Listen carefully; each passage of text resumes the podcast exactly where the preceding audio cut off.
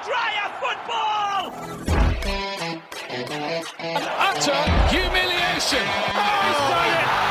He has only gone and done it! It's a stretch and it's in! And I can't remember the last time I saw something like this! Aguero! Cristiano Ronaldo! Salah! Bisik bola. Selamat datang di Bisik Bola, sebuah podcast sepak bola yang bahas bola-bola yang dari mulai dari Eropa. sampai mana-mana aja. Kita bahas secara Tai-taian. tapi tidak. Alergi Crystal Palace. Iya iya iya iya iya. Yo. Efek kalah. Efek kalah biasa. tapi Back golin. Eh tapi yang situ dulu. Aduh, ntar aja dulu dong. Tak kenal maka taruh. Oke, karena nggak ada Aji, jadi hari ini menggantikan. Assalamualaikum. Hai hai hai hai, selamat pagi siang sore malam. Ih, Ya. Gila, kita kedatangan guest star nih ya dari Bisi Garuda. Tapi pertama, halo gue Gian Franco Gusti, aka Imo. Deh, masih yang ngabun, soalnya panjinan tidak. Akhirnya. Assalamualaikum, Ustadz Waalaikumsalam. Ahmad bin Smith. Alhamdulillah. Siapa nih? Kita Agus. Anugrah. Agus Anugrah Iya. pagi siang sore malam. Yo, balik lagi bisik bola minggu ini kita ini gak sih lagi lagi banyak match yang seru banget gak sih? Sampai kita bingung ya nentuin match mana yang mau kita bahas. Tapi pertama nih, karena udah di mention sama yang Duli Maha Mulia, ya kan, Aduh, Agus Anugrah. Duh, duh, duh. Kenapa alergi Crystal Palace? Coba di spill dikit deh. Kalah. Tapi kemarin itu ma- match match pertama ya? Match, Match pertama, pertama. MU di IPL kan? Di IPL ya. match Kenapa pertama. kemarin sih dia nggak main tuh champion kalau nggak salah ya? Eh, champion kan nggak masuk ya? Maksudnya? Kenapa game pertama dipospon waktu itu? Kan masuk semifinal eh ya semifinal Europa League. Yang Ya, ya, benar-benar. kompetisi Eropa semifinal dikasih libur tambahan. Nah menurut lu kemarin di opening matchnya MU tuh kenapa? Bisa digolin sama mantan pemain tuh. Ya kan Zaha dua gol kan? Aduh, Yoi. Coba dari Bang Agus dulu nih. Kenapa itu? nggak tahu ya. Kayak lu tuh udah banyak ngikutin MU ini udah beberapa kali pemanasan, beberapa kali ada friendly-friendly gitu. Cuman kok kayak ngetes formasinya tuh malah di pertandingan liganya gitu. Gue bingung. Iya. Tapi, Iya. tapi seinget gue ini ya, waktu friendly match itu menang kan friendly match nih. Sebelum waktu di postpone kan friendly match tuh lawan Aston Villa juga kan? Kalah, Oh itu kalah ya? kalah. Oh my god. 0-1. Ya ampun, ini Crystal Palace loh. ya kan? Cuman gua nggak tahu sih mungkin kayaknya Ole lagi pengen nggak tahu ya mau mau coba ngerotasi ngerotasi pemain. Kemarin juga kan Wan Bisaka nggak main, yang masuk Oh. Fosu Mensah. Oke. Terus juga Van de Beek juga baru masuk babak kedua. Yes. Depannya pun juga nggak seperti biasanya. Biasanya kan kanan Greenwood, depannya Martial, kiri Rashford. Ini kemarin kanan tuh James. Mungkin kayaknya ini lagi nyari apa ya formula-formula baru nih gitu. Nyoba-nyoba ya. Iya, kayak lagi jaga-jaga nih kalau misalkan sang jagoan Sancho nggak jadi masuk gitu kan katanya Masih berharap Sancho masuk. masih sedikit. ya. Mau ngomong babu ntar kejadian. Eh, kalau ngomongin Van de Beek kemarin nih, Gus, gimana? Kalau Van de Beek sih sebenarnya nggak tahu ya gue. Kalau gue secara pribadi sih nggak nggak terlalu melihat dia spesial gitu, apalagi dengan harga 40 juta gitu kayak. Setuju, apa setuju. Ya? ya pasti banyak yang setuju sih. Iya. Cuman kayak apa ya? Mungkin Ole nih pengen mencoba untuk benar-benar ngebuat MU ini bisa lebih ngegedor lagi dari second line gitu. Karena kan emang sebenarnya tuh dari tiga pemain itu Pogba, Bruno sama Van de Beek tuh sebenarnya punya visi yang sama gitu, sama-sama emang nyerang gitu. Cuman mungkin Oke. eh, salah satu kelebihan Van de Beek yang bisa gue lihat sebenarnya dia agak versatile dalam artian dia ya sebenarnya kadang juga di Ajax dia suka main jadi jadi DM gitu. Iya, Walaupun iya. mungkin nggak DM murni ya Oke, gitu. oke. Ya gue juga mungkin masih baru di waktu lawan Aston Villa juga main dan kemarin juga lawan Crystal Palace juga main. Mungkin belum terlalu kelihatan banget sih perannya Van de Beek tuh seperti apa. Justru sebenarnya gue lebih ngelihat pas lawan Palace itu Van de Beek tuh agak sedikit lebih berguna ketika dia main di belakang. DM berarti. Iya, cuman kalau misalkan mungkin ada nggak tahu juga sih kita tahu oleh semua lah kayak Ya, gitu. Oke oke. Gue juga mau denger nih dari fans terbesarnya MU. Silakan Panji. Terbesar ya terbesar. Fans terbesarnya MU nih. Gimana menurut lo gimana Ji? Gue gue singkat kemarin. aja, gue singkat aja ya. Karena kalau menurut gue, gue masih bilang. ya, Cuman jangan jangan manajemen aja ya, Ya. please. Gue lebih ke Ole sih, gue lebih ke Oke. Ole sih. Kenapa tuh Alet? gue selalu bilang kalau misalnya gue tuh nggak suka belum percaya gue sama Ole Gunnar itu dan Oke. kelihatan kok nggak ada MU tuh nggak ada bentuknya loh mainnya lo lihat deh Chelsea walaupun masih bisa dibilang normalisasi sama pemain-pemain barunya tapi bentuknya ada bro nah United itu nggak ada bentuknya pun dengan pembelian Van Beek ya kalau menurut gue ini sebenarnya pembelian yang sebenarnya tidak nggak perlu-perlu amat gitu karena sektor tengahnya United itu masih bagus kalau menurut gue ada Iya, Fred, setuju ada. Pogba, Hmm. iya kan. Nah, yang dibutuhkan adalah defender kalau menurut gue gitu loh. Kan Defendernya masih bolong. Udah Ada Maguire kan? Ya kita kan tahu Maguire sekarang formnya kayak gimana. Dan juga abis kena kasus juga kan. Abis kena kasus kan. Oh Eh, iya. by the way, kemarin dia habis ngoper ke uh, ball boy kayaknya tuh pas lawan lu tonton. Nah, itu kan. Jadi Ketularan kayak. Havertz dia. Anjing. Papers lagi tuh di mention tuh. Iya kan? Kemudian- kemudian- lanjut lanjut Ji. Kem- Kemudian gue juga mau menyoroti tentang uh, keinginan United membeli Jadon Sancho. Memang pembelian yang make sense ya. Cuma melihat, aduh gue jadi nggak apa-apa lah ya dikit-dikit manajemen dikit lah ya, dikit aja. dikit, dikit. Gak apa-apa. Eh, lo tau gak sih? Ini gue gue lupa sih. Gue habis itu dari mana? Eh, katanya tuh United tuh habis dividen bro. Ada kenapa? Tau Kenapa? nggak? Habis habis bagi-bagi dividen. Oh. Iya, iya, iya.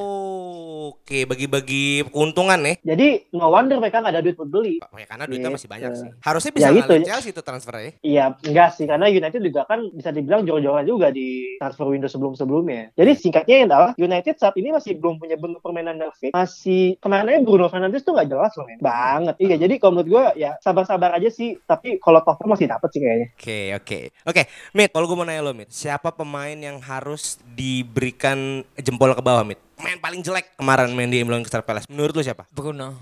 Bruno Fernandes. Iya. Why? Setuju gue, Why? Setuju, Why? setuju Give gue. me insight. Give me insight. Bedanya bedanya gini, Bruno Bruno Fernandes memang punya mentalitas buat MU, tapi di Wow. pertandingan itu gue nggak ngeliat dia sebagai sosok yang vital gitu ya. Malah gue ngeliatnya ke Van Dijk, eh, Van de Beek. Oh, Van Yang gol siapa? Iya, iya. Van de Beek. Heeh, di- kalau lu bilang lu kontra buat datangnya dia, gue orang yang mencurigakan pikiran lu semua ya. Wow. Mencurigakan. Iya karena Ya, ya, lu, kirain, kirain, lu, kirain. lu memikirkan itu secara matang atau tidak saat lu ngomong gue nggak tahu ya. Yes, Iya, tapi kapasitas lu keganggu lah. Eh, Ben, tapi katanya gol dia kemarin gol hoki loh itu. Oh, gol hoki. Iya. Terlepas itu hoki, dia ngerubah angka 0 jadi satu kan. Iya juga sih. Eh, gini mau. Iya, iya, oke. oke. Dengan dat dengan datangnya Bruno Fernandes dan Pogba, ini duet yang memautkan Maut. dalam hal kreasi. Duet Tapi maut ya, iya. dangdut ya. Lanjut. Tapi secara etos kerja, dua Wow. pemain ini kalah kalah jauh dengan Van de Beek. Oke. Iya, lu bisa ngelihat dia bermain yang memang eh, model yang bermain dengan stamina, di mana dia juga punya multi talent dalam Iya, hal iya. menyerang maupun Multi posisi second juga. leg dia Iya, iya, bagus iya. dengan ciptaan golnya, bahkan di MF pun dia salah satu yang baik gitu ya. Di rananya dia di Ajax. Jadi dengan datangnya dia, oleh ini pun- punya apa ya formula ataupun taktik-taktik yang bisa dia uh, berikan ketika ada Bruno maupun Pogba, berarti kita bisa tahu Van de Beek bisa ada di belakang maupun di depan. Yes, yes, yes. Iya kan? Kalau memang dia di saat unggul, dia akan ditarik ke DMF. Oke. Ketika nyerang, dia second line. Yes, yes. Iya dong, itu opsi, ya kan? Tapi di balik itu semua, memang gue nggak menyalahkan ketika oleh memainkan Danny James di kanan, bla bla bla, mengubah formasi itu bukan masalah, karena ini IPL baru awal dan lu mesti tahu Crystal Palace itu selalu mematikan MU maupun Liverpool. Memang memang kryptonite-nya MU ya, Crystal Nah, Palace ini. bahkan Liverpool juga. Jadi bagi gue dengan kekalahan 3-1 pun MU makin paham tentang kapasitasnya dia, membenarkan detail-detailnya dan eh, ruginya ya angka hilang kan. Tapi itu bukan masalah lah di match pertama. Itu sih yang gue simpulin, Mo. Jadi Bruno Fernandes yang paling buruk Iya. ya. Tidak kelihatan impactnya. Enggak Apakah one season wonder Bruno Fernandes nih ya? Ya kita lihat nanti ya. Iya. Masih ada 37 match ke depan. Karena lu tadi udah mention Van Dijk. Kemarin timnya baru menang nih. Ngalahin tim saya. Ya kan? Iya. Iya, iya. Gue terakhir ya, Mo. Iya, oke. Kemarin itu pem- pemain saya emang asis ya hebat loh. Kiper bisa asis, tapi ke musuh. iya kan? Kepa Arrizabalaga. Mungkin saya start dulu kali ya. Boleh, Nah, boleh, oh, boleh. boleh, boleh. Gimana saya eh, di- harus harus ada yang nanya dong. Iya. Gimana nih Imo sebagai pecinta Chelsea menanggapi kekalahan Chelsea melawan Liverpool nih? Oke, once again kemarin Havertz sama Werner belum ada impact. Ya, Menurut ya. gue belum ada impact. belum ada impact sama sekali. Bahkan gue sangat takut Werner itu kemarin gak bisa nyetak gol bahkan, ya kan? Tapi kalau gue lihat kemarin sebenarnya Liverpool kan juga ngoyo, mainnya juga nggak sekencang musim kemarin ya. Gue nggak tahu kenapa ya. nih, nggak nggak nggak seperti biasanya. Dan menurut gue Liverpool juga kemarin menang hoki karena 10 pemain. men. Chelsea itu Christensen di, diganjar kartu merah, ya wajar sih kartu merah ya kan. Jadi buat gue kemarin inilah jawaban besar kenapa Lampard harus beli kiper. Katakan kemarin Kepa cuma gara-gara putus cinta, Tapi udah dapat kan, udah udah fix. Oh kan? sudah, Udah. Edward Mendy nomor 16 kan. Kepa buang aja lah. Tapi talk about match kemarin buat gue sebenarnya Chelsea itu bisa menang. Asalkan penyerangnya bukan Werner, IMF bukan Havertz. Pertahankan Mon sama Abraham. Gue sih di stand di situ ya. Mon sama Abraham dulu lah. Cuman Havertz akhirnya hat trick sih lawan tim divisi 3 sih itu ke Barnsley. Itu pun ya golnya dikasih Tami. Tapi buat gue kemarin hasil harusnya hasil tidak sebesar itu, tidak 2-0. Satu sama lah. Gue masih berharap satu sama gitu loh. Iya, iya. Ya cuman kembali lagi Lampard diberikan pelajaran oleh Klopp. Emang Liverpool ini nggak tahu diri. Udah dikasih juara sama Lampard, nggak pernah mau kalah sama Lampard ya kan. Tolonglah, Ji bilangin Klopp lah ya kan. Tapi menurut gue ya Lampard kayaknya harus berpikir lagi untuk Werner tuh diberikan waktu adaptasi lebih panjang dan mungkin Tami mulai main. Karena kemarin Tami mainnya ngacang sih pas lawan Barnsley. Oh ya. Itu menurut gue. Ya. Hmm. Panci ntar dulu Ji, ya kan? Kan tadi lu udah mengkomentari MU. Sekarang silakan nih, ya kan? Dari Indonesia nih, Agus Anugrah, silakan Gus. Iya, Carry on. Suka nggak suka sih sebenarnya gue setuju sih sama omongannya Imos. Apa ya, nggak terlalu jomplang banget kayak musim lalu lah Yes. untuk hasil akhir dari Liverpool lawan Chelsea ini karena kalau menurut gua mungkin mungkin yang tadi pernyataannya Smith soal eh, mengomentari lawan Palace nih kayaknya harus gua pakai di match yang Liverpool lawan Chelsea ini gitu. Biasa statement gue Enggak soalnya mungkin kita juga belum bisa ngeliat karena kan pemain-pemain barunya Chelsea kan waktu lawan Liverpool belum turun semua kan. Ben Yes. Chilwell, Thiago Silva, eh eh, Ziyech masih cedera ya? Masih cedera. Masih cedera. Baru Havertz sama Werner kemarin yang main. sih. Ya, cuman kan waktu yang law- di Carabao Cup kan eh, si Thiago sama Ben Chilwell eh, main kan. Nah, mungkin ya itu sih untuk mengenai dari pertandingan Liverpool lawan Chelsea ya terlepas dari satu gol aneh yang yang kayak gitu. Sebenarnya sih mungkin Chelsea sebenarnya ngimbangin sih. Ya apa ya, mungkin masih masih banyak adaptasi sih. Bener kata Smith juga karena ini mungkin masih masih pekan-pekan awal dari Premier League gitu. Belum kelihatan banget tadinya kayak apa gitu. Oke, wow. Berarti menurut lu masih ada kemungkinan Lampard mengembangkan formasi nih? Sebenarnya nih ya, kalau menurut gua untuk yang di Premier League musim ini itu tuh yang ngeri kalau menurut gua selain Chelsea, Arsenal juga gitu. Itu dia sih. Karena Itu dia tuh. apa ya? Ini dua pelatih yang sebenarnya punya tipikal yang sama, punya uh, background yang sama, sama-sama mungkin pemain tengah gitu ya. Jadi ya kita kita bakal bisa ngeliat visi mereka nanti kayak gimana gitu. Ini Oke. ya lu bisa lihat Chelsea, lu bisa lihat Arsenal yang dulu mainnya pragmatis dari gawang langsung ke depan, sekarang udah berani untuk main bola di belakang, Udah mulai kreatif. udah mulai iya udah mulai kreatif udah mulai ada Possession. peran udah mulai mainin possession gitu jadi ini sebenarnya yang gue ngeri de- sebagai fans MU ngelihat kompetitor-kompetitor yang lain terlepas dari Liverpool dan Chelsea ya eh sorry eh, Liverpool dan City ya gitu. Wow. Fans MU ya jelas wajar deg-degan ya kan. Baru beli Van de Beek. Ya karena gimana ya eh, eh, sebenarnya kalau untuk di Chelsea yang mungkin melakukan pembelanjaan yang lumayan banyak dan bagus-bagus gitu. Ya wajar fans MU juga ketar-ketir gitu karena ya lu cuman datengin Van de Beek Terus untuk dari segi kualitas pemain juga masih yang itu-itu aja yang sama dengan musim lalu. Ya mungkin dapat hasilnya bisa sama dengan musim lalu atau bahkan lebih buruk gitu loh. Kalau bisa lebih buruk ya. Karena peringkat tiga. Kalau Iya, bisa lebih iya. buruk. Oke, nah, fine. sekarang langsung tanya nih sama yang kemarin lawan sama gue. ya kan? Menurut lo gimana Ji? Eh, gue minta banget lo mengkomentari performa Thiago Alcantara kemarin juga. Tolong. Wih itu Carry on. oke oke oke. Rekor Oke. loh dia. Lupa gua. Tapi sebelum gue masuk ke Thiago Alcantara, Oh, silakan. mungkin gue ada komen dikit ke Chelsea ya. Jadi Ya, sorry apa- juga Ji, Eh, mungkin lu mesti makasih juga ke gue kenapa ya? dengan datangnya Tiago. Kata lu nggak butuh-butuh amat. Kan gue emang pengen. Ya, makasihnya Oke. mana? Oh iya. Eh, Oke, pertama kalau buat Chelsea ya sebenarnya simpel sih. Eh, Lampard kalau menurut gua tiga empat pertandingan awal dia masih meramu-ramu formasi kalau menurut gua. Mengingat precisionnya sangat dikit kan dan dia membeli Yes. pemain yang banyak banget. Mungkin di sini bisa jadi pelajaran di mana dia salah naruh posisi Timo Werner, dia salah naruh posisi Kai Havertz kalau menurut gua. Kan taruh striker sama IMF juga. Dari dulu, Oke. gue da- kalau gue ya pribadi gue nggak pengen naruh uh, kayak uh, Timo Werner di depan Oke. Dibil- bisa dibilang di nomor 9 gue lebih suka dia main di kiri karena pace-nya dia ini kenceng banget men Mhm. kalau lo perhatiin dia main kemarin dia tuh sel- selalu jemput bola dari kiri sebenarnya Iya. kalau Yes. perhatiin Setuju. dan dia cut inside Hmm. dan dia dan dia cut inside ke kanan itu udah jadi naturalnya di, di Leipzig jadi ke bawah ke Iya. Chelsea nah masalahnya Leipzig itu Kemarin sama Sabitzer ya dia ya. Sabitzer sama Paulsen ya. Iya. Leipzig. Yes yes yes. intinya dia memang emang pacey banget Iya, orangnya Bahkan lawan Brighton pun juga eh, dia lebih banyak dominan di kiri sih emang. Betul. Iya, jadi emang dia main dari sisi kiri kanan. Kemudian kayak Havertz itu kalau menurut gua kayak ibarat kata lu punya Apple Watch tapi lu pakai cuma buat lihat jam doang.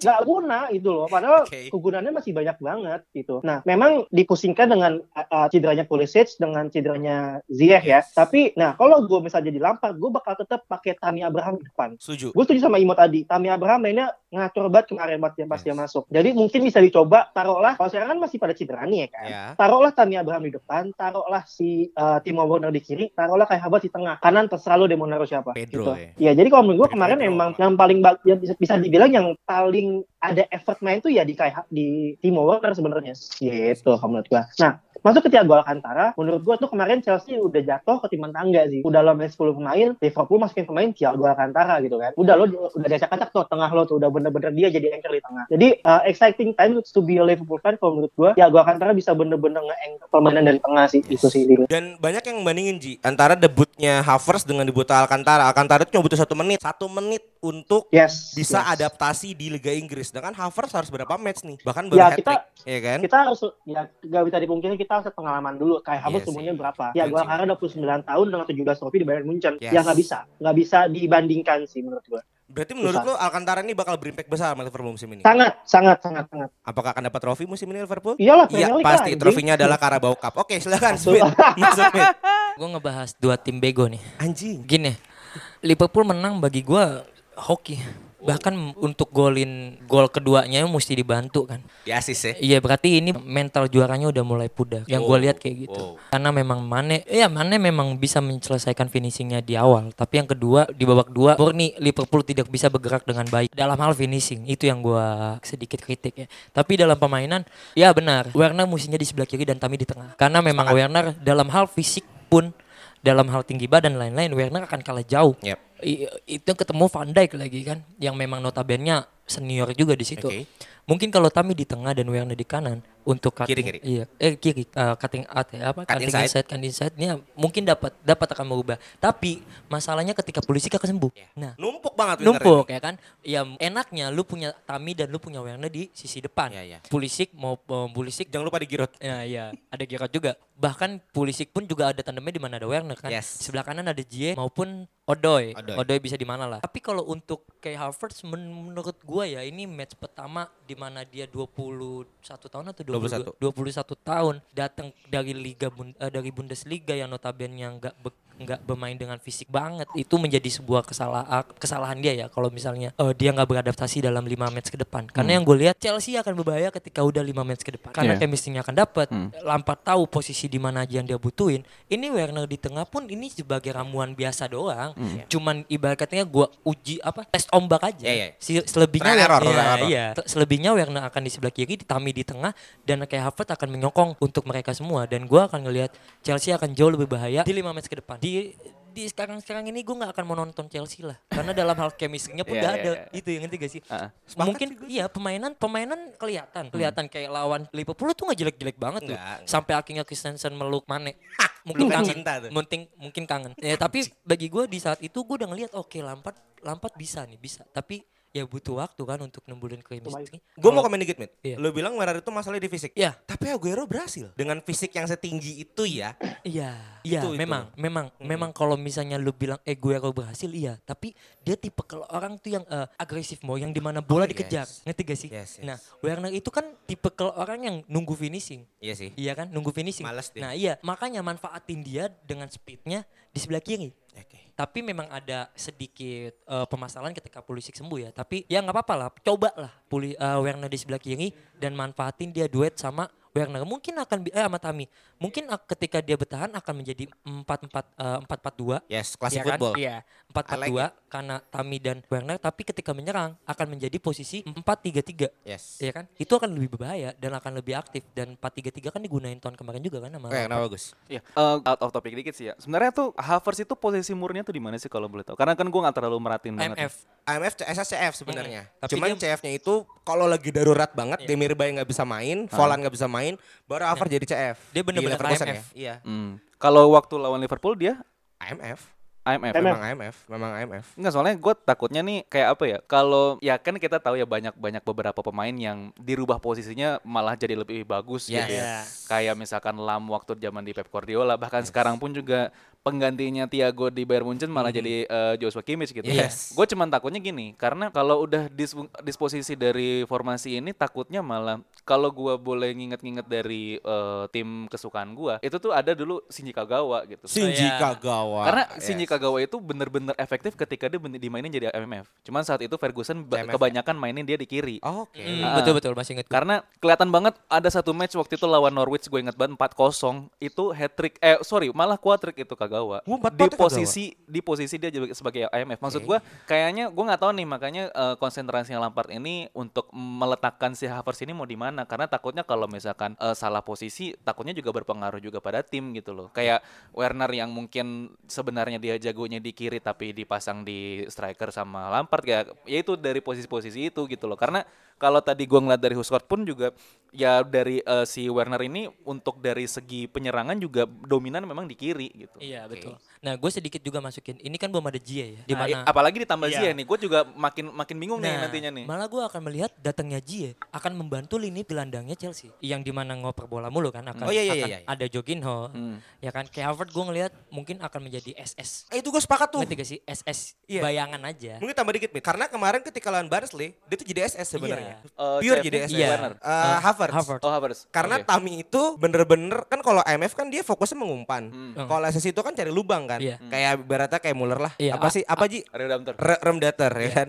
Kemarin tuh kayak gitu. Iya. Gue sih sepakat sih kalau dia jadi SS. Gue melihat itu mau bahkan sekarang pun gue ngeliat itu karena apa tingginya pun dapat Yes, Iya kan jadi buat tiang. pantulan ke Werner. Nah, datangnya Jie, even itu nggak ada Abraham, Tammy Abraham, itu nggak masalah. Karena apa? Ada pemantulnya Havertz Iya, iya, untuk setuju, setuju. Werner kan. Mhm. Nah, makanya ini gue mau menunggu banget Jie pentas masuk ke Chelsea. Terlepas dari Liverpool, gue melihat ini memang menjadi finishing dalam hal finishing di babak dua yang gue lihat itu memang ancur banget. Hmm, hmm, hmm. Datangnya Thiago, eh, lu lihat menangnya dia aja pun kalah kalah kalah di media dengan datangnya eh, menangnya Liverpool tuh kalah di media dengan datangnya Thiago 75 passing. Ya. Iya. Berarti ada sesuatu hal yang menurut gua pemainan Liverpool tuh biasa-biasa aja. Nggak mewah ya. Iya, Oh, sampai iya, iya. media tuh mesti meninggikan Thiago Thiago. Alcantara. Tapi yang bikin ditinggikan itu kan karena dia baru masuk di babak kedua.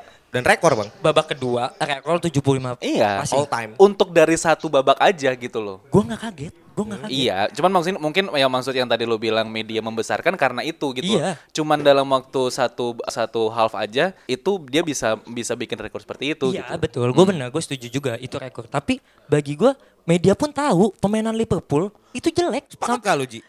Ah iya nih, kita tanya Ya, kita ya. tanya fansnya deh. Kenapa gue bilang jelek? Karena untuk golin di babak dua aja dibantu kan. Iya, iya. Sepakat gak lu Ji? Kalau dibilang Liverpool mainnya jelek sampai harus ngeninggiin di media tuh sampai ninggi si Thiago. Lu sepakat gak dengan sepak ngomongan yang kayak gitu tuh? Kalau dibilang mainnya jelek enggak? Main Uh. biasa main biasa aja ya. Oh biasa ya tapi nggak Iya, jelek. Lebih tapi nggak tepatnya mewah. sebenarnya mungkin biasa aja mungkin ya. Dan gue setuju gua malah lebih setuju ke Bang Agus tadi. Thiago Alcantara kan memang uh, pembelian yang hype banget kan dan kemudian dia memecahkan rekor kan. Mm-mm. Ya udah pasti otomatis di media bakal digede-gedein gitu loh. Hmm. Memang sebenarnya ya itu sih mainnya juga nggak jelek. Sebenarnya Chelsea itu kan babak pertama kan masih nahan sebenarnya. Iya. Enggak, Sekarang- menurut gua agak-agak agresif sih babak pertama Chelsea. Justru lebih lebih lebih agresif Chelsea sih, cuman ya gara ya. iya gara-gara si Hmm. Christensen Smackdown-nya tuh.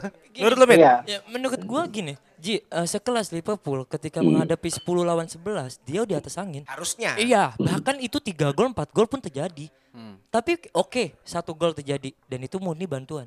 Ini lo yang gue lihat, ya kan? Oke, secara permainan lu bilang biasa aja, tapi balik lagi finishing yang selalu diutamakan, ya kan?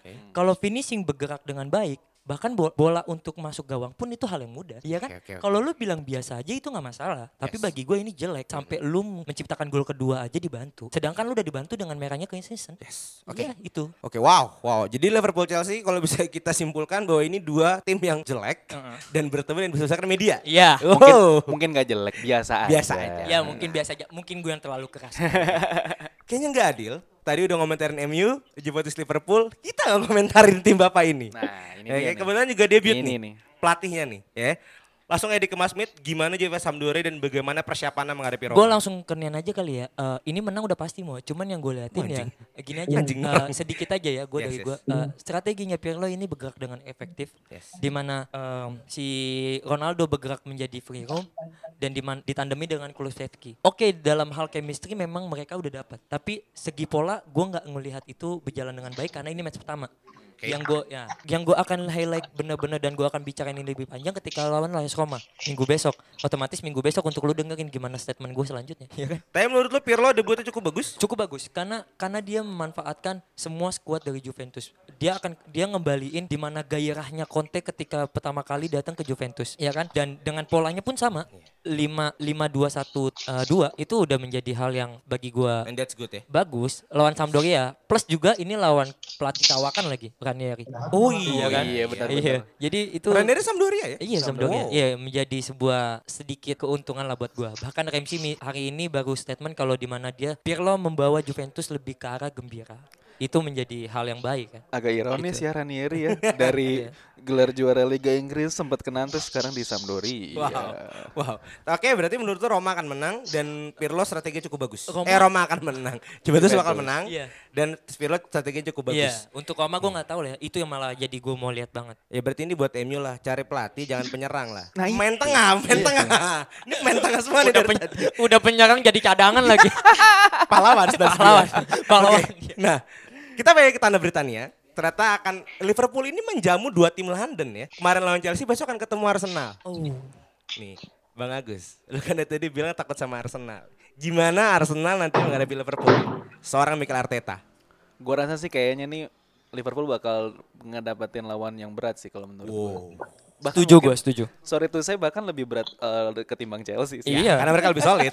Mereka lebih solid. It's okay. Kayak apa ya? Arteta nih kayak nemuin kepingan-kepingan yang mungkin di musim lalu hilang sih. Ya maksudnya dari dari dari back ya dia dapat Gabriel Magalhaes terus apa namanya dari segi pemain muda, dari segi rotasi pemain pun juga sekarang udah mulai udah mulai apa namanya? udah mulai ngeblend nih. Yes. Tinggal mungkin eksekusinya sama mungkin dikurangin kesalahan-kesalahan kecil sih karena kan waktu lawan Fulham kalau nggak salah Gabriel hampir aja itu apa Blunder. namanya blunder ya itu harus ngindarin kesalahan-kesalahan kecil sih karena kan lu lumayan beresiko nih bermain dari belakang apalagi lu kalau ketemu Liverpool yang ngepres banget Yes. bahkan ya kalau gue boleh nyinggung lagi soal yang tadi Liverpool Chelsea mungkin sebenarnya nggak nggak hadiah-hadiah banget sih dikasih sama Chelsea karena kan itu proses dari ngepres pemain gitu loh dari mana Kencang ngepres ya. akhirnya ya kepanya kelabakan itu sih yang harus dihindarin sama Arsenal gitu menghadapi Liverpool Apalagi Arsenal juga dapat asupan back dan winger kanan yang kawakan ya. William, William. oh iya Anjing William nih. Wih, Oke. ketemu ini ya Iya. ketemu mantan Anjing.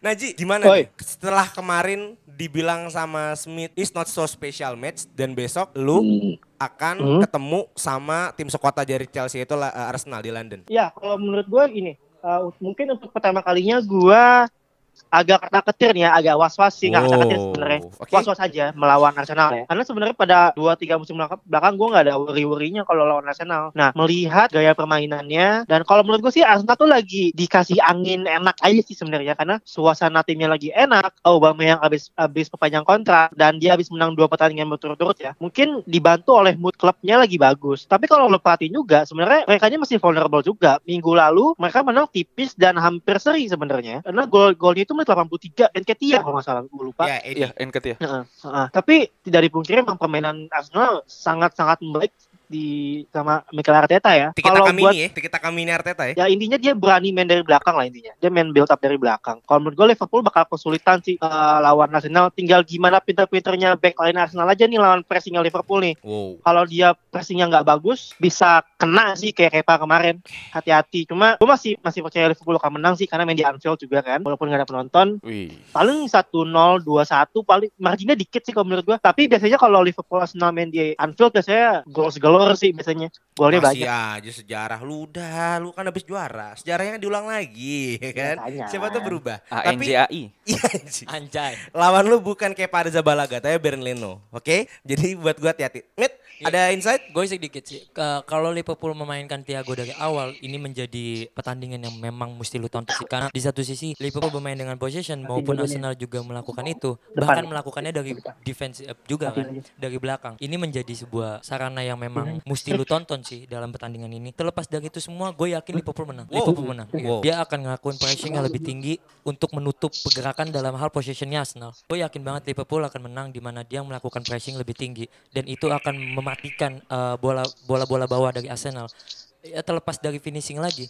Gimana caranya Liverpool mem- memanfaatkan finishing ini ketika dia memanfaatkan Liverpool menang dengan mudah sih bagi gue. Oke. Itu aja. Itu aja. Prediksi skor berapa Gus? Arsenal Liverpool. Ya gue masih megang Liverpool sih ya, tapi gue setuju sama Panji sih tipis-tipis saya 2-1 lah Pak. 2-1. Smith. Gue 2-0. Panji, berapa prediksi skor Arsenal Liverpool? Eh, eh, tiga dua. Wow, gol Gelor ya. Oke, kalau menurut gua 1-0 untuk Arsenal yang golin Willian. Biar keren aja. Oke, wow, wow, wow, wow. Oke, kita kemas dulu nih match sepak bola. Sekarang kita berpindah ke federasi.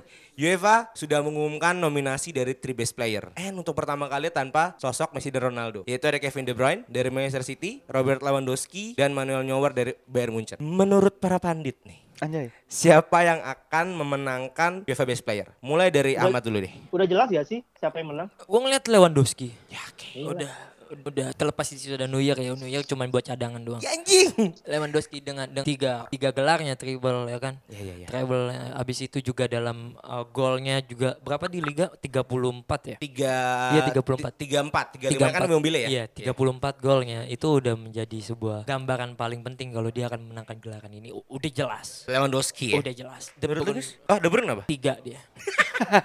Menurut lu? Siapa yang akan menang? Ya kayaknya mungkin kita sepakat dengan satu Sepakat eh, ya? sepakat dengan satu orang yang sama sih Robert Lewandowski sih. Karena kalau menurut gua ini udah di atas rata-rata goal getter sih Nyet. Gue tuh yang paling gue inget banget momen dia itu ketika dia masuk di babak kedua lawan Wolfsburg dan dia bisa kuatrik itu itu gila sih kalau menurut ya? gua. Itu Itu itu itu gila banget. Dan emang dia Gila deserve, banget. deserve banget. Iya gitu. Namanya kan apa gue ganti? Lewan gol. Lewandowski. Tapi i- dia juga didukung dengan teammate-teammate dia yang benar-benar nge- nyokong dia dengan Tom- eh, adanya Thomas Muller pada saat waktu Thiago masih di sana juga benar-benar ngedukung banget gitu. Maksudnya dari dari segi dari segi timnya pun juga si Bayern Munchen ini juga compact dan itu yang membuat Lewandowski itu makin menggila sih kalau menurut gua. Wow, ya, kalau gua kan emang stand ya dari balon bodor episode kita balon bodor, Iya. gue emang jago Lewandowski buat balon Dior gitu loh. Dan memang terbukti. Cuman gue juga pengen sedikit apresiasi buat Manuel Neuer karena tahun ini menurut gue pembuktian dia nih. Setelah dia dicengin dia dia digantiin Ter Stegen Iya, kan di timnas Jerman. ya. Udah dibilang masanya habis. Musim ini dia ngebuktiin dengan kemarin. Gue inget banget tuh di Liga Champion dia bisa saya pakai kaki lagi. Setelah sekian lama nggak bisa saya pakai kaki dia pakai kaki lagi. Jadi walaupun Lewandowski ya kalau De Bruyne udah lah ya. Lu menang PFA aja udah Premier League aja lah, nggak usah menang-menang Eropa. Ya mungkin kalau mungkin kalau dari dari Neuer gitu ya, ya dia kan habis reborn lah dari masa Yes. cedera panjangnya dia gitu dan ya emang udah nggak bisa dipungkirin lagi sih dia eh, mungkin bisa dibilang kiper terbaik di dunia saat ini gitu. Kepa lah. Lu masih Buffon lah. Oh Buffon. Kalau menurut lu gimana Ji? Siapa yang akan menang? Jelas lah Lewandowski siapa lagi anjir. Kenapa harus Lewandowski? Alasannya dong. Alasannya dong. Eh, gini deh, kalau misalnya kita ngomong tentang juara, memang dia juara Liga Champions, dia juara Liga Jerman. DFB Pokal dia juara gak sih? Iya, Juara. Iya betul Jor. treble treble musim ini. Treble, dia treble. Bersih. Dan dia dan dia quadruple kan sama kemarin Ya, semalam Super Cup. Super Cup Mm. kan. Dan dia menjadi top scorer Liga Champions, top scorer di Bayern Munchen, Munchen top scorer di di Bundesliga. Kayak single handedly bawa Munchen ke tangga juara menurut gua. Kalau dibandingin sama si eh, Kevin De Bruyne misalnya, Hmm. iya dia menang PFA, dia asis terbanyak, cuma Liga Inggris pun dia nggak juara, ya nggak? Uh, sombong Iya. banget nih. Neuer, oke, Neuer oke. sehebat-hebatnya Neuer tapi kalau misalnya memang memang dia klik juga banyak cuma kan dia kan uh, Munchen menang dengan gol-golnya Lewandowski kalau menurut gua karena otomatis uh, attack dari lawan Munchen tuh berhenti di defensive line Munchen sebenarnya kemarin tuh tapi memang tidak dipungkiri Neuer musim ini peningkatannya naik ya nggak kayak dua tiga tahun belakang yang bisa dibilang dia menurun bahkan masuk timnas Jerman pun tidak gitu kan Iya. jadi menurut gua tetap Lewandowski ya paling udah paling jelas dan harus ada Ballon d'Or sih menurut gua fix Dan Lewandowski yang juara juga ya. Iya, Iya jelas. harapannya sebenarnya ada di uh, FIFA Best Player kan belum keluar nih. Heeh. Kemungkinan besar juga bisa dia. Nah, kita bergeser dari pemain ke pelatih. Entah kenapa, mungkin karena Munchen juara, domin- nominasi pelatih didominasi oleh Jerman. Itu ada Julian Nagelsmann dari RB Leipzig, Jurgen Klopp dari Liverpool dan Hansi Flick. Siapa yang lebih pantas untuk dapat UEFA Best Coach? Menurut Smith dulu deh. Mau. Flick, why? Oh, Kenapa? iya. Dengan datangnya di tengah musim menjadi gantinya Kovac itu menjadi sebuah situasi dan visionernya dari Bayern Munchen sendiri ya berani menunjuk dia dan secara mutlak dia dengan tiga pialanya ini menjadikan yang paling terbaik bagi gue ya. Bahkan kalau lu mau tahu dari 23 pertandingan, 22 dia menang satu seri. Wow. Udah mewakilkan banget kan kalau dia. Oh iya. Itu yang wak- walaupun setengah musim ya. Hmm. Nagelsmann juga bagus, Klopp pun juga bagus. Cuman bagi gua trofi lagi kan yang dilihat. Siapa? Liverpool dengan satu trofinya. Only one trophy. Ah, Felix dengan tiga trofinya. Nagelsmann hampa. Oke. Fine. Iya, itu itu yang gue lihat sih semua. Menurut lu siapa Gus? Dari tiga pelatih tadi yang lebih pantas menyandang UEFA Best Coach. Sebelumnya mungkin gue mau menyoroti soal yang omongan Imo yang awal-awal ya. Iya, Kalau iya. untuk dari pelatih ini ketiga nominasi ini eh, berasal dari Jerman. Mungkin kalau misalkan diambil empat besar kayaknya juga semuanya Jerman karena menurut gue Tuchel tuh layak sih kalau menurut gue. Oh, oh Tuchel Jerman ya? Iya, Tuchel Iya. Jerman. Wow, Tuchel Jerman, Jerman. Makanya- rule the world. Makanya ini emang emang Jerman kayak lagi lagi lagi naik lagi sih. Nah untuk mengenai dari pelatih sendiri sebenarnya ya gue gue juga setuju sama, sama Smith kalau Hans Flick nih kayaknya yang Jangan mungkin benerin omongan gue udah pasti bener. Elah dikeluar lagi. gue nggak benerin, gue setuju. Ya, sama aja. Beda dong. Ya kan ya udah lah. ya itu kalau kalau menurut gue sih apa ya sebenarnya kalau dari Hans Flick memegang Munchen dengan apa warisan dari Niko Kovac sebelumnya dengan ro- eh, materi pemain yang kurang lebih masih sama ya kayaknya Iya, nggak betul. ada nggak ada penambahan mungkin ada penambahan dari Alphonso Davies gitu. Ya menurut gue sebenarnya dari segi strategi dari segi dari segi taktik itu Hans Flick tidak melakukan perubahan apa pun. Dia justru kalau menurut gue bener-bener nunjukin dan mengeluarkan semua potensi yang ada di dalam pemainnya gitu loh. Dan ya nggak nggak terlalu banyak ngotak-ngatik taktik nggak terlalu banyak gimana gimana pada saat di lapangan ya bener-bener ya udah lu main sesuai dengan apa yang jadi potensi lu lu bermain di posisi apa ya lu bekerja dengan job desk yang udah sesuai dengan apa yang lu dulu kerjain gitu Oh, kalau gue salah, gue malah gue setuju. Dengan datangnya Flex, di mana Alonso di, di- dikasih posisi sebelah kiri dan Alaba di tengah itu, Oh, jadi oh iya. CB, Hmm. itu menjadi sebuah strategi yang bagus. Di mana lu lihat lawan Barcelona, Alfonso gocek-gocek gitu dong. setuju. Iya, maksud gue poinnya di situ. Hmm. Dia bisa tahu siapa yang mesti dimainkan di posisi di mana. Hmm. Bahkan dengan Alaba di tengah aja itu menjadi sebuah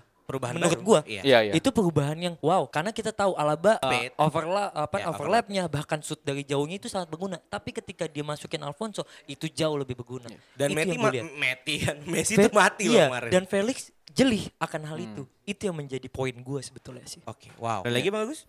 Ya itu dia sih kalau ya menurut gua Flix layak sih kayaknya untuk menangin ini deng- ya dengan treble-nya dengan apa superiornya Munchen di Eropa saat ini sih. Dua suara untuk Flick. Oke, Panji, bela pelatihmu kalau bisa, Ji. Apa lu ada pendapat lain tentang UEFA Best Coach ini? Jangan bias Ji.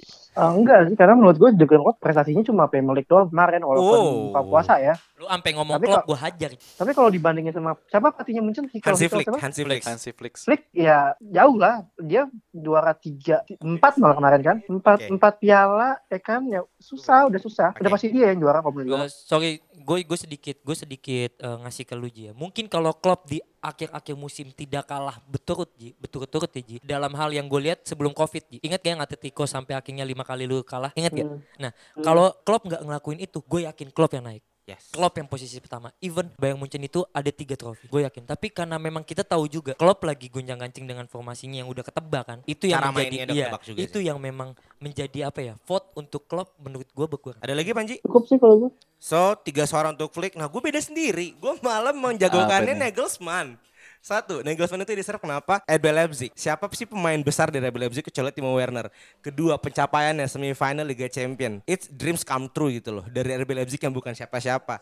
Di Liga juga stabil beberapa tahun terakhir. 3, 4, 3, 4, sempat 2 ya. Nagelsmann buat gue deserve lah untuk tahun ini. Ya di, bisa dari trofi ya. Bisa dari trofi karena ya ya Bundesliga lu tidak tidak bisa menyaingi gemerlapnya Bayern Munich gitu loh. Tapi buat gue nah pencapaian semifinal Liga Champion stabil di Leipzig bahkan kan dia sampai semifinal tanpa Werner. Iya. Bisa bisa tahu Werner gitu loh. Jadi buat gue tahun ini Nagelsmann sih yang harusnya dapat UEFA Best Coach. Benar, secara taktik dari awal musim sampai akhir, Nagelsmann nggak ada yang bisa ng- bilang enggak ya? Karena memang dia yang juara maksud gua dalam hal taktik dan formula. Bahkan even ke skuadnya Yes. dia. Cuman trofi balik lagi yang ngedukung untuk vote. Ya sih. mungkin kalau tidak ada trofinya nih ya Nagelsmann akan menang. Ngerti gak sih lu? Karena tiga tiga pelatih ini memang punya formasi yang berbeda eh, Punya ciri khas punya masing-masing. ciri lah khas ya. yang masing-masing. Itu yang bikin kita bingung. Tapi karena trofi ini yang sampai akhirnya kita ngevote si Felix. Ngerti gak sih? Flick. Felix Yes. iya Felix pemain bola dong Iya kan Atletico Madrid ah, tuh. ah. Yo Felix. bener kan So, setuju tiga suara untuk Hansi Flick dan satu suara untuk Nagelsmann.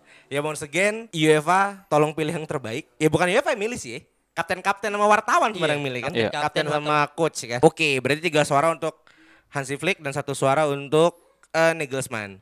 Nah, biar juga nanti update vote, jangan lupa nih follow IG kita at. Sports.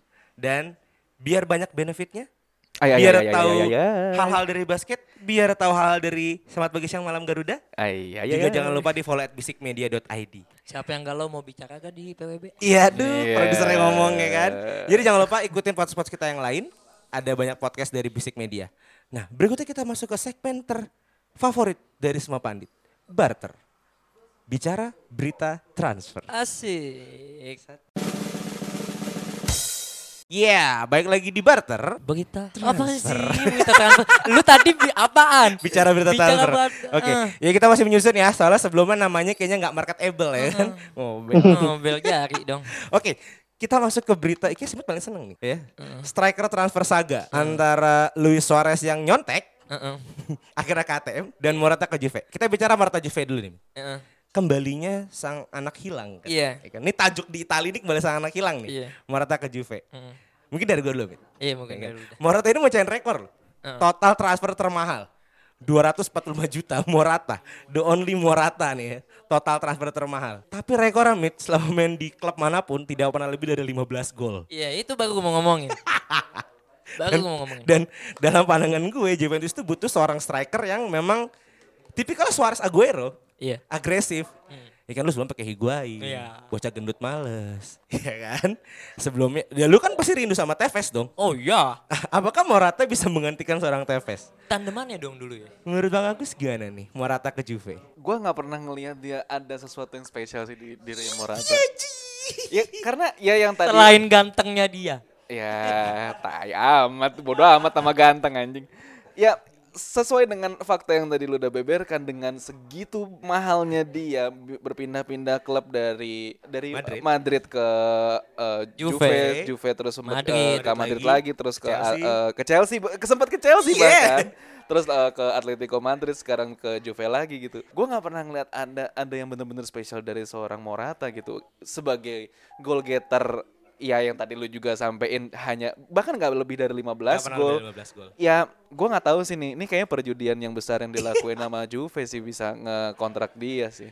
Ya, benar sih kayak mungkin butuh dengan sosok-sosok walaupun mungkin dari segi usia jauh lebih muda dan mungkin lebih matang da- eh, Morata ya ketimbang Suarez yang udah udah mulai menuju usia senja lah kalau menurut gua. pensiun kalau kata PNS. Iya, cuman cuman dari segi apa ya? Dari segi agresivitas tuh menurut gue Suarez masih ngegigit banget untuk untuk di Serie A ya kalau menurut gue ya. Maksudnya kan Serie A sama La Liga ini liganya hampir-hampir tipis-tipis mirip nih. Maksudnya dari segi eh, sirkulasi bola, dari segi ag- agresivitas kurang lebih sama nih. Makanya sebenarnya Suarez mungkin kalau menurut gue sih cocok di Juve sebenarnya. Cuman ya Seharusnya ya. eh, sempat ada drama-drama kayak apa sih dia les bahasa Itali yang les-les Buat di dapet paspor, paspor aja. Iya. Ya gitulah pokoknya kalau menurut gue sih bener-bener kayaknya Perjudian. perjudian yang besar dan kemungkinan besar sih kayaknya di atas 60% gagal sih di Juve. Wow. Panji gimana Ji? Morata nih Ji. Ke Juventus yang walaupun pernah punya kisah baik. Menurut lu gimana Ji? Eh, gue pribadi nggak pernah suka sama Morata ya. Gue nggak Oh. terlalu suka sama dia. Kenapa? Karena lu kalah ganteng. Eh, oh ganteng, tentu ganteng, ganteng. Gue suka gantengnya. Cuma gaya mainnya tuh bukan gue banget, bukan Panji banget, anjay. Karena Morata menurut gue striker tradisional yang emang finishingnya bagus. Cuma itu hanya senjata utamanya dia itu doang. Eh, lari pun sebenarnya nggak sekenceng, nggak kenceng-kenceng banget. Iya, Karena kalau sekarang kan main main main bola modern, striker pun harus bisa tackling kan. Oh iya. Striker adalah defender pertama tim lu, ya nggak? Iya betul. Iya. Nah, Morata gue lihat uh, pressing wise nggak dapat. Tapi kalau misalnya emang mungkin dulu di Juve mainnya bagus ya Mat ya. Oh iya Dulu Ji. ya. Iya iya. Kan itu Kalau juga mis- efek muda kali Ji. Pas Nah, ada Tevez. dulu Morata main tuh ada masih Pirlo ya di tengah ya. Heeh, Nah, iya loh. Kalau misalnya Pirlo pinter meramu pemainannya dan mengubah permainannya menjadi ini loh yang bisa mensokong seorang Morata tuh kayak gini loh, itu mungkin bisa berhasil. Cuma kalau menurut gua akan sangat sulit melihat Pirlo mengakomodir timnya hanya untuk mensokong seorang Alvaro Morata menurut gua enggak. Mm. Gitu sih. Oh wow. Berarti masih dua tiga suara bahkan bahwa Morata adalah sebuah perjudian besar untuk Juventus. Coba. Berjudian banget. Perjudian banget. Coba nih. Warga lokal Turin ya kan si tuan tua, si tuan tua. Silakan. Sebelumnya mungkin sebelum Smith masuk ya kalau kalau dari gua pri- pandangan gue pribadi nih, Yes, yes, pandangan yes. gue pribadi. Menurut gua kayaknya Nih ngasih pandangan ya bukan nanya ya. ya ya ngasih pandangan. Kalau yang nanya-nanya di YouTube Basic Media dong. Ih cocok. Lanjut Bang Agus. Bridgingnya bagus deh. Butuh duit kayaknya. Lanjut, lanjut, lanjut, lanjut. Ya ini ini ini pandangan pribadi gue ya. Kalau menurut gue nih kalau untuk membandingkan Morata dengan striker-striker yang ada di Juventus, kayaknya bakal lebih gemilang Kulusevski kalau menurut gue. Oh. Kemarin kan duet kan dia sama, Iya, Ronal- iya, sama iya. Ronaldo kan. Iya, duet. kayaknya dia bakal lebih apa ya? Lebih terlihat cemerlang lah kayaknya untuk di Juventus. Kalau menurut gue dengan permainan dia, apalagi dia kemarin juga eh, golin juga kan gol perdana di di Juve gitu. Lebih apa ya dari segi agresivitas, udah mulai ngeblend juga sama Ronaldo dan eh, dan kawan-kawan gitu. Kalau menurut gue sih kayaknya bakal lebih lebih bisa digunakan Kulusevski daripada si Morata kalau menurut gue. Coba, Mit, belain pemain kesukaan lo, Mit. Morata, Mit. Iya, Morata mau nggak penting cewek, Mit. gini, eh, apa ya? Gue juga butuh waktu lima menit untuk berpikir ya. Udah lama ya. Iya, waktu Lama ya. eh, ketika gue ngelihat Morata diresmikan oleh Juventus, gue kaget kayak, "Ah, kok jadi ini? Tapi balik lagi, gue punya sudut pandang lain. Oke. Jadi tipe Morata itu adalah, ini gue jelasin. Morata itu adalah tipe penyerang yang memang memanfaatkan finishingnya dia. Dalam hal pergerakan, ngebuka ngebuka pergerakan pemain lain itu dia jago. Tapi untuk membuka pergerakan dari dia sendiri dalam bola di arah di bola di dia dan dia merubah per- pergerakan orang lain ketika dia megang bola itu dia sangat sulit. Model Suarez, model ini Oke. Eh, itu sulit. Nah, makanya yang gue lihat ini, Morata ini datang bukan untuk menjadi finishingnya Juventus. Finishing Juventus mutlak di Ronaldo. Morata ini hanya sebagai ngebuka jalannya Ronaldo untuk hal finishing dalam hal nge-shoot atau enggak cut inside-nya. So it mean Morata false nine dong, kayak Firmino di Liverpool. Nah, itu yang gue lihat. Wow. Itu Berat- yang gue sorry, berarti nggak bisa ada kemungkinan main bareng nih Ronaldo sama Morata. Oh, Justru main harus, bareng. justru harus. Harus. Harus. Berarti perubahan forma, perubahan posisi Mit Morata Nah, nih. bukan perubahan formasi. Apa Mo. jatuhnya menurut lu Morata bakal kayak di bala musim lalu? No, Beda lagi. beda lagi. Gimana nih? Posisinya Morata itu akan ngebuka ruang untuk Ronaldo. Oke. dan dia akan menyelesaikan sutan dari Ronaldo. Misalnya nih Ronaldo, ya? Ronaldo nih ngesut, iya shoot, ngesut, dak, Ah. mentahannya Ronaldo si Morata. Tapi Oh, yes, sebelum yes. ngesut, yang ngebuka ruangnya Ronaldo untuk bebas itu Morata. I get the point. Iya kan? Ya, oke, nah, oke. dalam hal finish, eh, kalau gua lu bilang apa sih manfaatnya Morata? Ya jelas cuman itu. Jelas cuman itu. It mean berarti ketika era BBC dong, Bel Benzema Cristiano nih. Nah, ya wow. itu Benzema di mana menjadi uh, peng- Buka jalan. uh, buka jalannya Ronaldo maupun Bel. Itu yang gue lihat. Nah, kalau lu bilang itu efektif gak sih, Mit? Ya semua orang bakal tahu lah ya Ronaldo akan dikawal lebih dari dua. Tapi ketika Ronaldo dikawal dari dua, setidaknya gue ada finishing lain, yaitu Morata. Iya sih. Iya kan? Soalnya gini Mit, Morata aja ketemu back Inggris, itu udah kelabakan. Nah, Ini ketemu back Itali nih ya kan. Nah. Macam-macam ketemu Skriniar, Iya. macam-macam ketemu Romagnoli serem, Bro. Ya, kan yang gue tadi gue bilang formasinya Pirlo itu menciptakan Ronaldo menjadi free roam kan. Oh, yes. Iya kan? Manfaat manfaatnya Morata di situ. Ketika pergerakannya Morata selalu dikawali, Ronaldo bebas. Tapi justru menurut gua pernyataan lu itu kayaknya lebih cocok untuk Kulusevski. Ya ini gua nggak tahu ya, Nah. entah biar gua gue emang udah mulai udah mulai ngelihat ini pemain bagus nih. Iya, iya. eh, semenjak gue main football manager gitu, ini pemain emang emang emang potensial banget Potensial, gitu. wonderkid. Eh, wonderkid yang potensial Iya, gitu. iya. Gini, eh, posisi Kulusevski sama Morata itu beda. Kenapa Kulusevski diduetin sama Ronaldo? Karena Dybala cedera. Plus belum ada finishing dalam hal striker murni. Nah, lu ngelihat itu di match pertama. Jujur, Kulusevski memang bisa ngebantu pergerakan Ronaldo untuk lebih bebas, tapi itu kurang karena Pirlo tuh mau mainin 4-3-3. Sampai sini ngerti gak? Nah, Iya, iya. Kulusevski-nya akan di sebelah kanan, Morata di tengah, di Ronaldo di Kiri. kiri, Dybala AMF. Oke, Kulusevski jadi winger berarti. Iya, memang Kulusevski itu winger. Oh, bukan di Parma jadi Nah, MF. dia enggak, dia winger dan plus bisa jadi IMF, tapi Oke. posisi utamanya dia si winger. Nah, Kayak bahkan, Zia berarti ya, nah kayak iya, ya. bahkan dengan datangnya eh, Morata ini men- menjadi sebuah solusi paling penting bagi gua. Karena apa? Nggak ada lagi, nggak ada lagi tugasnya dari Kulusevski untuk bener-bener nge-nyuplai si Ronaldo. Ronaldo. Dia akan menyuplai iya, tapi akan dibantu dengan Morata, Dybala, plus Kulusevski. Kita nggak bisa tahu, kita nggak bisa pungkirin Kulusevski baru muda banget ya dalam hal bahkan Liga Champion pun masih butuh waktu banget ya. Iya. Bagi gua dengan datangnya Morata, ini membuka jalan paling penting di mana Ronaldo akan lebih bebas. Ini mutlak tentang Ronaldo. 30 juta euro masa nggak dimanfaatin ya kan. oke. Nah, Setahun itu. deh Nah, iya. ya.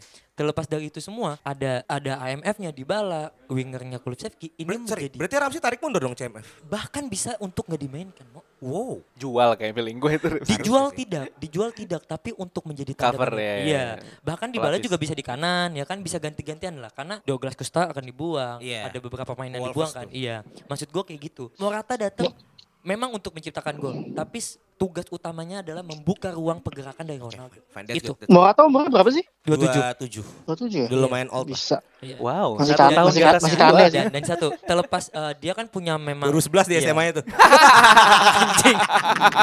Lulus 2011 tuh dia tuh. Iya anjing.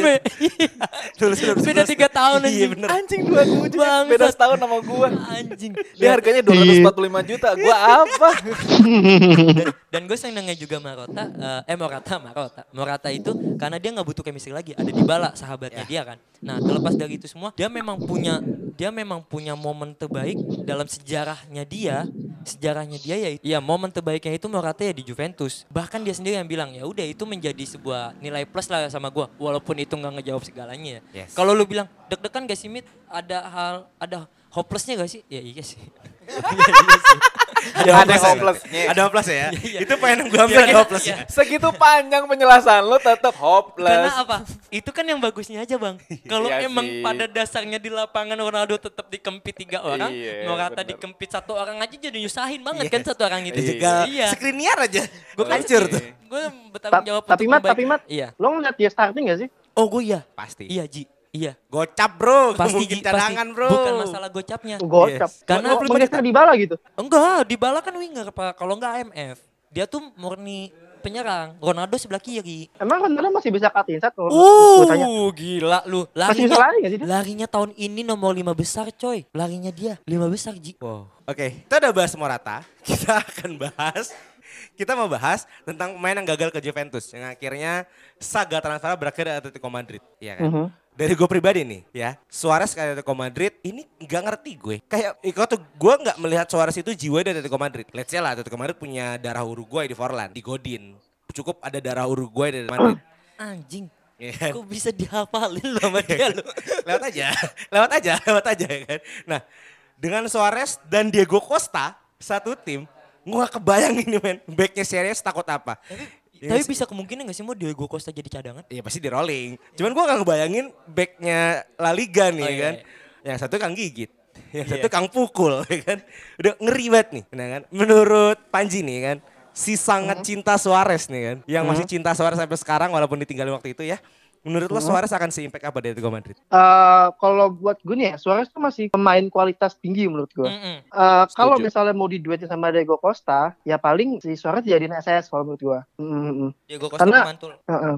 Tapi yang yang jadi concern gue adalah bukan impact permainannya, tapi secara mental gamenya itu loh. Lo tau kan kalau misalnya Costa, eh, Simeone, pokoknya Atletico itu mainnya pemain-pemain keras semua bro. Iya. Iya betul. Nah, Preman. ditambah sama ditambah sama Suarez yang emang tipikal permainannya tipikal mengganggu gitu. Tau gak sih lo? Iya iya. Iya, Memancing emosi. Yang Provokatif. Hmm, yang dia bakal melakukan apa pun untuk menang gitu. Ya, ibaratnya kalau Smith main sama Suarez dipukul lah Suarez lah. Ya, ya. Udah ya. pasti. Pukul sama dia ya? Iya, Dipukul iya. otomatis. Nah, jadi menurut gue memang impact pasti ada, walaupun udah agak tuir ya. Tapi dia tapi- makin tua makin jaya loh. Iya sih, karena emang masih enak kok mainnya, masih enak kok. Apalagi enak dia mainnya.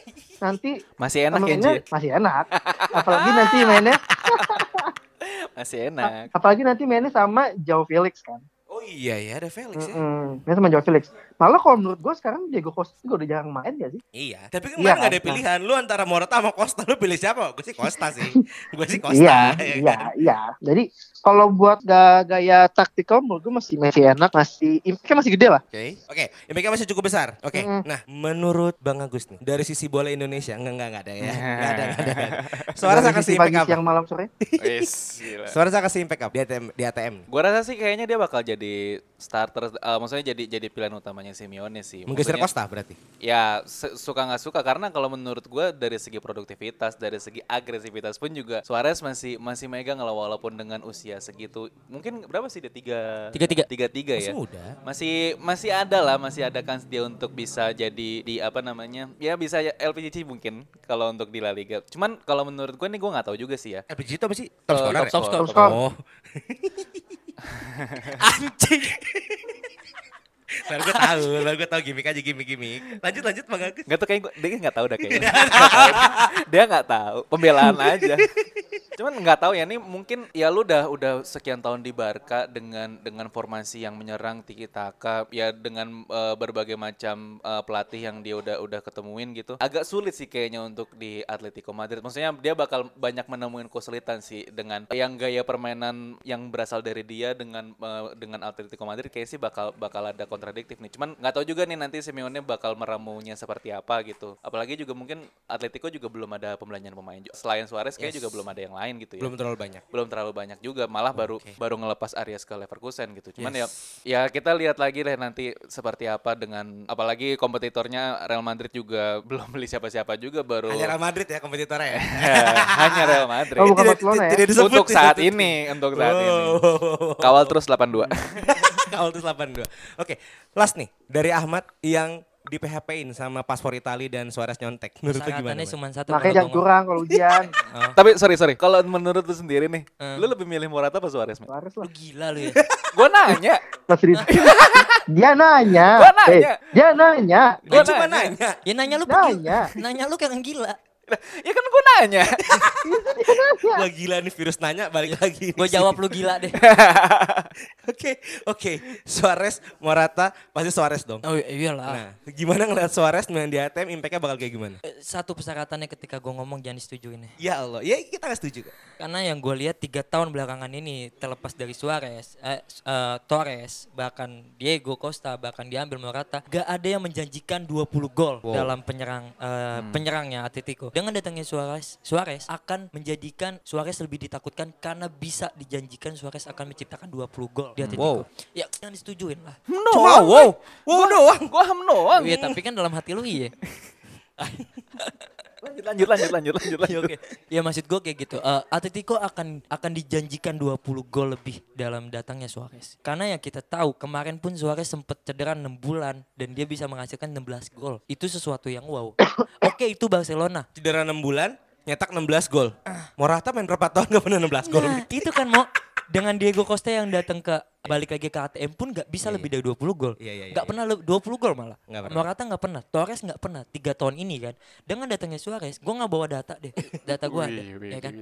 Dengan datangnya Suarez, gue yakin banget Suarez akan bisa menjanjikan 20 gol setidaknya untuk Atletico Madrid. Yes. Dengan satu catatan, di mana Koke maupun Saul bisa memanfaatkan. Tuh Koke masih ada ya? Oh iya dong, dia baru 27 28 kan. Oh, oke oke. Kapten ya? Kapten lah. Iya, kirain masih Koke. Gabi, masih Bahkan Gabi. eh, bahkan juga ada Felix kan di mana dia punya speed dan bisa memberikan pressing-pressing yang lebih tinggi ke Suarez ya. Ini gue ngelihat Suarez akan menciptakan gol ya, tapi untuk Atletico juara sulit. Oke, fine.